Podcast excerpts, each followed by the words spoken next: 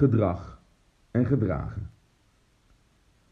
Als board zijn we acht maanden intensief met elkaar in gesprek om de enige juiste strategie te bepalen. Kosten nog moeite worden gespaard. Met strategieconsultant. Daarna nemen we acht weken de tijd om de nieuw gekozen strategie aan het management over te dragen.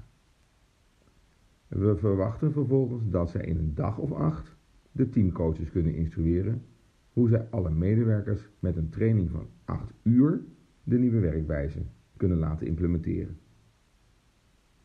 Met deze karikatuur veegde Ben van Waaien, toen de tijd CEO van British Telecom, de vloer aan met de top-down manier van strategie-executie. Sindsdien is er veel ten goede veranderd en toch tref je nog regelmatig situaties aan van een integraal verandertraject dat primair top-down wordt ingestoken. Met een structuurwijziging, een andere werkwijze of zelfs zelfsturing. Ja, u leest het goed. Top-down zelfsturing opleggen.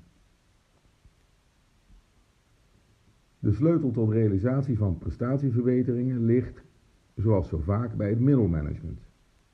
Maar dan moet je ze wel op een goede manier betrekken. Gedragen veranderingen komen verder. Dat is niet nieuw, maar nog steeds wel heel moeilijk. Vooral als de verandering hen zelf betreft, hun historie, hun goede bedoeling, hun gewoonte, hun alvast, hun gedrag. Waarom blijft dat zo moeilijk? Je moet eerst door hun pijn en angst heen. Ze zullen immers eerst het oude los moeten laten, alvorens iets nieuws vast te kunnen pakken. Eerst moet je voorbij de obligate verdedigingsmechanismen, als dat de klant er toch niet om heeft gevraagd en dat hun mensen het al zo druk hebben. En daarachter liggen dan vragen als: kan ik dat wel? Wat moet ik extra leveren, CQ inleveren? Kan die jonge manager dat misschien beter dan ik? Wat doet het eigenlijk met mijn positie of met mijn status? Heb ik straks nog wel een baan? Die vragen stellen ze niet, maar die zijn er wel. Niets menselijks is een manager vreemd. Het niet gedragen krijgen van gedragsverandering schridt vrijwel altijd in het niet kunnen omgaan met de angsten van collega's. Daar helpt nog meer uitleg over het nieuwe structuurplaatje niet bij. En overtuigen met argumenten heeft ook geen zin. Ze snappen het al lang.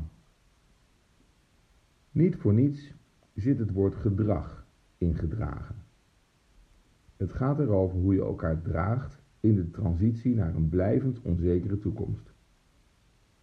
Gedragen gedragsverandering vergt oprechte aandacht en actie van, het, van de directie in de anders zo moeilijk doordringbare kleilaag. Geen appeltje-eitje over de schutting of een trainingje links of rechts. Anti-kleilaag is omgaan met de onzekerheid van anderen. Dat begint met het tot goed voorbeeld dienen, je eigen twijfels delen. Gevolgd door begrip tonen en voordoen. Je kunt geen houvast bieden anders dan jezelf. Er zijn als het nodig is. Samen in transitie.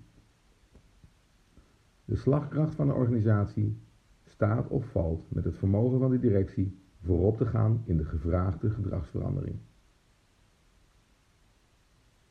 Strategie is tegenwoordig niet meer acht maanden papierwerk met een bundel consultants.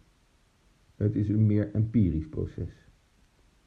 De tijd die vrijvalt kan de directie benutten zich niet top-down te gedragen.